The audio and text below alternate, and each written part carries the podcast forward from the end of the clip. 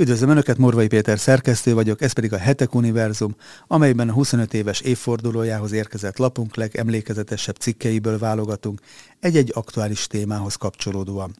Mai témánk Irán, amely rendszeresen szerepel a hírekben, hol az orosz-ukrán háborúban bevetett iráni kamikaze drónok kapcsán, hol pedig a perzsa állam titokzatos nukleáris programja miatt, amit Izrael különböző szabotás akciókkal igyekszik megakadályozni, bár sokan úgy gondolják, hogy az iráni atombomba megépítését csak egy nagy erejű légicsapással lehetne elhárítani, ami viszont akár egy átfogó, közelkeleti háború megindulásához is vezethet.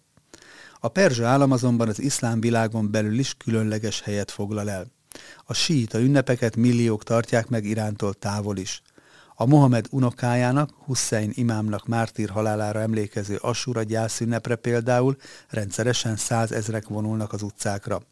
Az iráni síitizmus a hagyományos iszlám tanítások mellett a jóval régebbi perzsa vallási hagyományra, az zoroasztrizmusra is épít az iszlám két ágazatához Európa is eltérően viszonyult.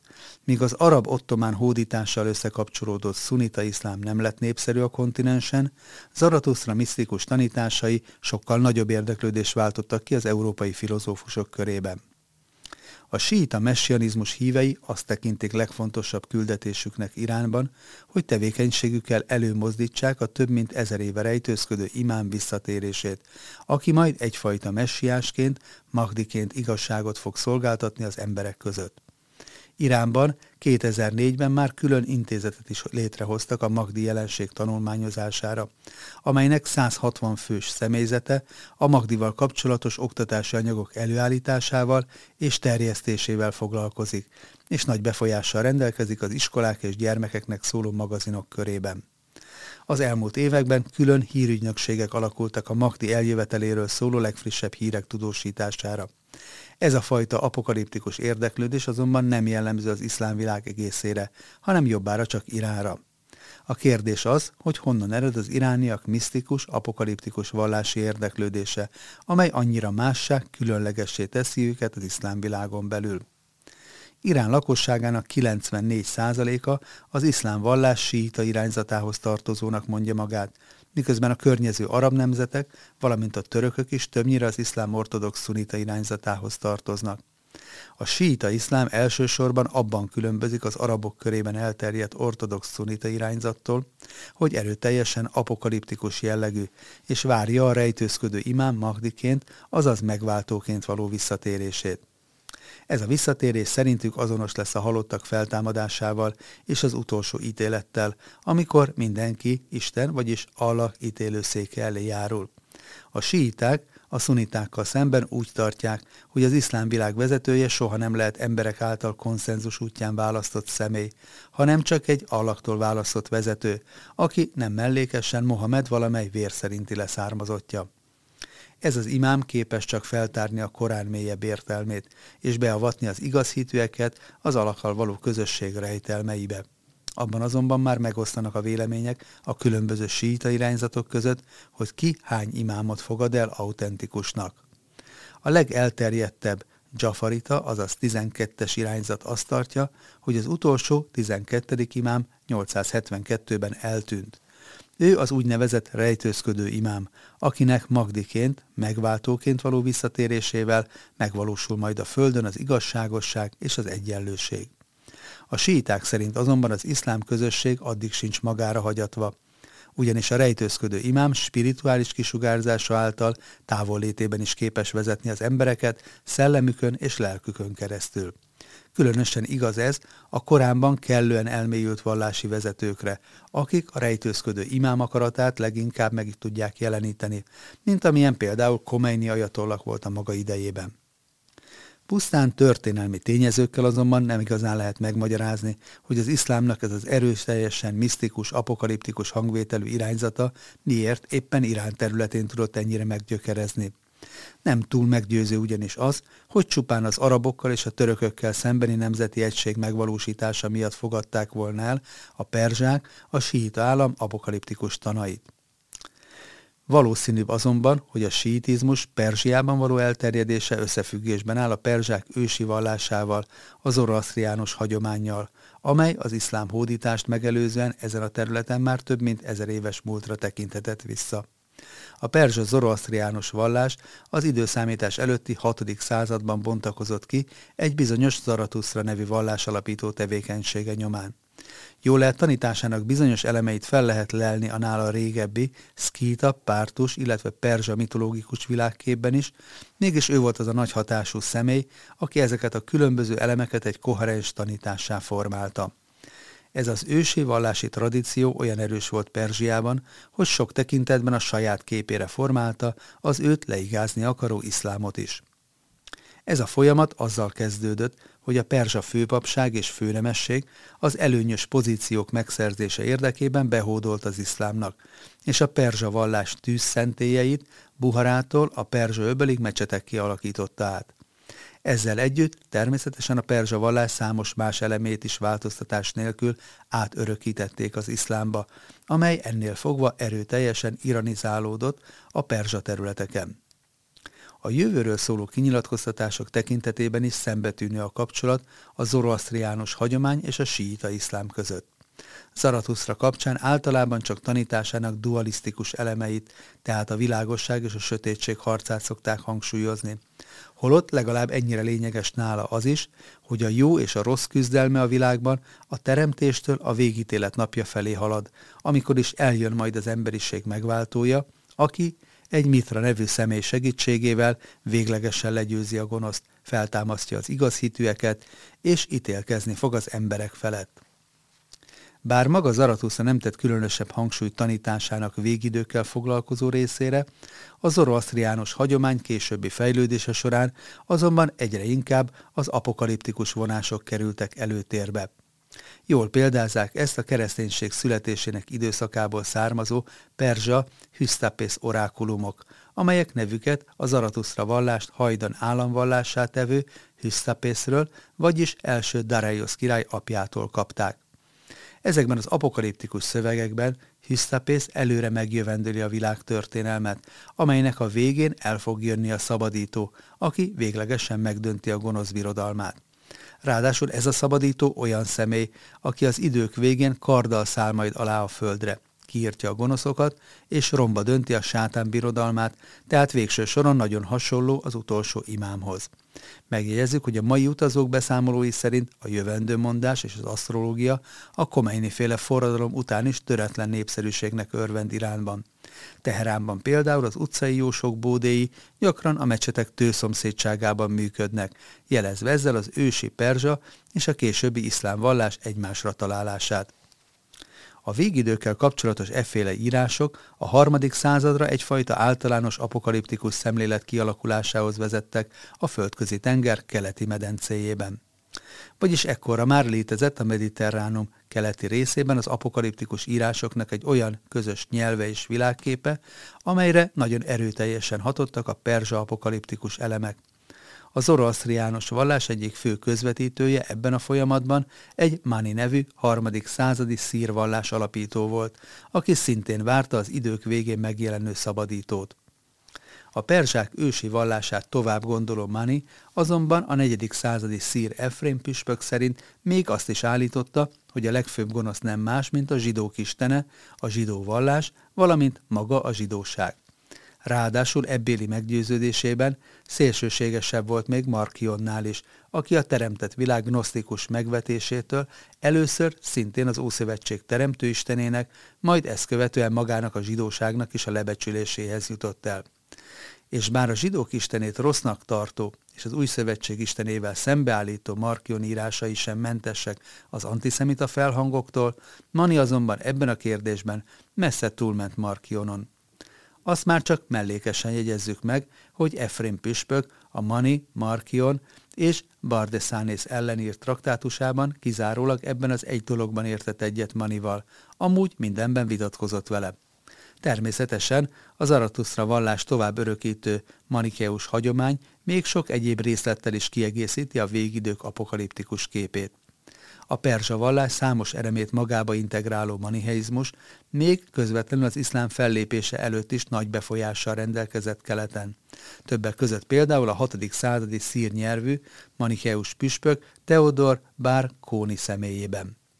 A perzsa vallásnak a síita iszlámmal való szellemi rokonsága pedig részben magyarázatul szolgálhat arra, hogy miért olyan megértő Európa irány felé a nyilvánvaló katonai fenyegetés ellenére is. A perzsa kultúrával és vallással szemben ugyanis Európa soha nem volt elutasító. Sőt, egyes időszakokban kifejezetten népszerűek voltak a perzsa vallással kapcsolatos tanulmányok. Gondoljunk például a híres német filozófusra, Nietzsére, aki egyik fő művében a perzsa vallás alapító Zarathustra alakját vetítette ki magára. Bennünket ez a példa most nem Nietzsche filozófiája kapcsán szempontjából érdekel, hiszen ő legalábbis eredeti szándékát tekintve nem a szellemi rokonság miatt választotta Zaratusztrát alter egoul, hanem inkább a vallás alapítás gesztusa érdekelte. Abból a szempontból azonban figyelemre méltó a dolog, hogy Nietzsche baráti körében, vagyis Andreas doktor szellemi műhelyében milyen sokan érdeklődtek a perzsa vallás iránt, amelyet a barátaink keresztül Nietzsére is nagy hatást gyakorolt.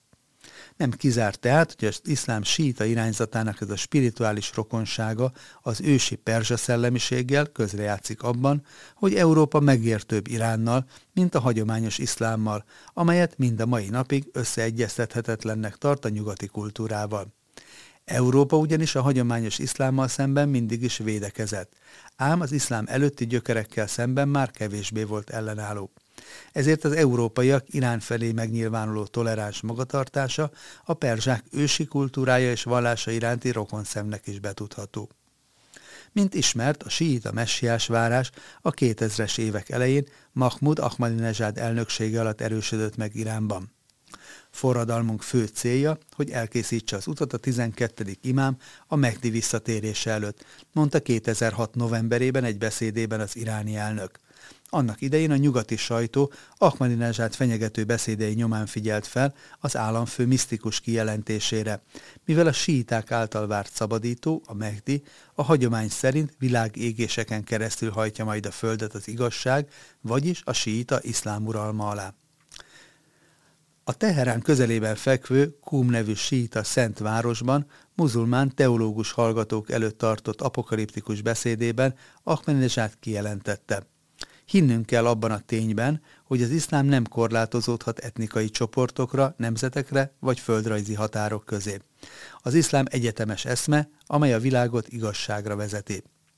Mivel, hogy Ahmadinejad meggyőződése szerint a Mehdi hamarosan visszatér, ezért arra összekélte hallgatóit, hogy az országot nagyhatalmú, fejlett iszlám társadalmá virágoztatva készüljenek a fogadására, elkerülve a romlott és kicsapongó nyugat bűneit. Irán egy része a messiás várás lázában égett. Muzulmán teológusok szerint a lakosság ötöde jelenleg is meg van győződve arról, hogy küszöbön áll a 12. imám visszatérése, és ezzel a jó és gonosz közötti végső összecsapás is. Az emberek izgatottan tudakolják, mikor és hogyan fog eljönni, és mit kell tenniük, hogy tanuljuk legyenek a szabadításának, mondja Ali Lari, Kum városának egyik vezető imámja. Az időzítés nincs meghatározva, de a feltételek egyértelműek. A mondás szerint, amikor a tanítványok készen állnak, akkor jön majd el a mester. Az iráni kormány bőkezően támogatja a síita szent helyeket. A Teherántól 100 kilométerre délre fekvő Jamkara 17 millió dollárnak megfelelő összeghez jutott például nemrég.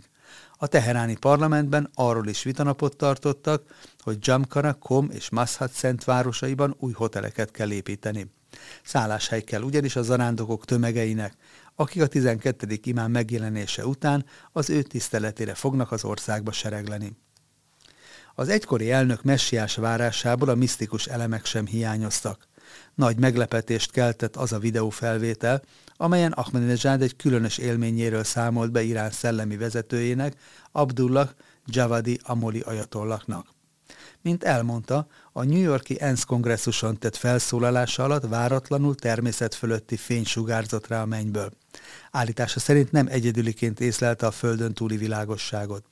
Kíséretének egyik tagja is látta, hogy amikor Ahmadinejad az Allah nevében szavakkal megnyitotta beszédét, fénynyaláb árasztotta el, amely felszólalása végéig védelmezte.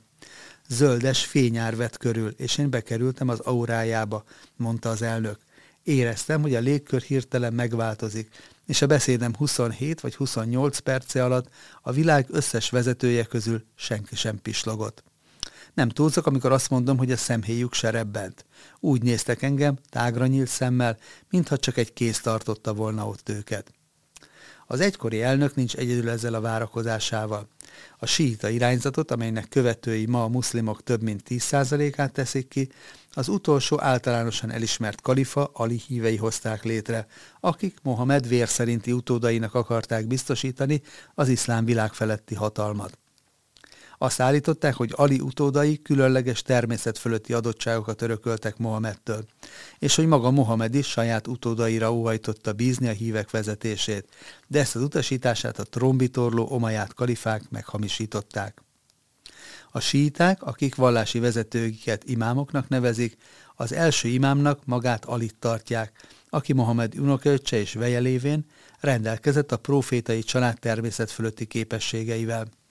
A síták döntő részben az imamitákhoz tartoznak, akik szerint Alit a proféta vérvonalából még 11 további imám követte. A 12. imám Muhammad Abdul Qasim gyerekkorában 878-ban azonban eltűnt, és még ma is él ismeretlenül. Sőt, minden évben elmegy Mekkába a Kábához, azonban az emberek nem ismerik fel őt. Azért, hogy az idők végén, mint Mahdi, vagyis messiás jelenjen meg, minden igazságtalanságnak véget vessen, és megalapítsa az Isten igazság országát. A síta apokaliptikus hagyomány szerint az utolsó imám hét éven keresztül fog uralkodni, azt követően pedig elhozza az utolsó ítéletet és a világ békét. A Megdi visszajövetelét taglaló síta iratok szerint a gonosz erők Szíria és Irak felől fognak támadni, és Kufa határváros közelében ütköznek meg az Iránból érkező jó erőkkel. Az eltűnt imám távollétének idején a közösséget a rendkívüli képességű hittudósok legkiválóbbjai hivatottak vezetni. Általuk a rejtőzködő imám továbbra is működik a világban.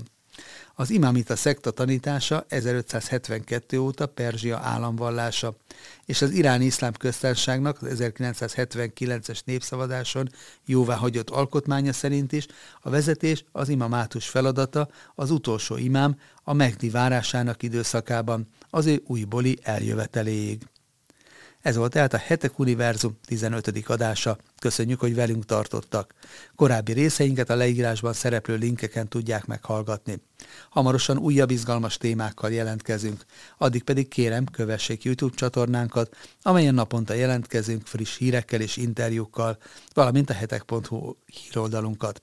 Akik pedig szeretnék támogatni további podcastjaink elkészítését, a videó alatti sávban található köszönet gombon tudják ezt megtenni, tetszés szerinti összeggel.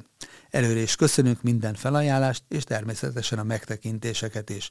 Viszont hallásra a következő találkozásig.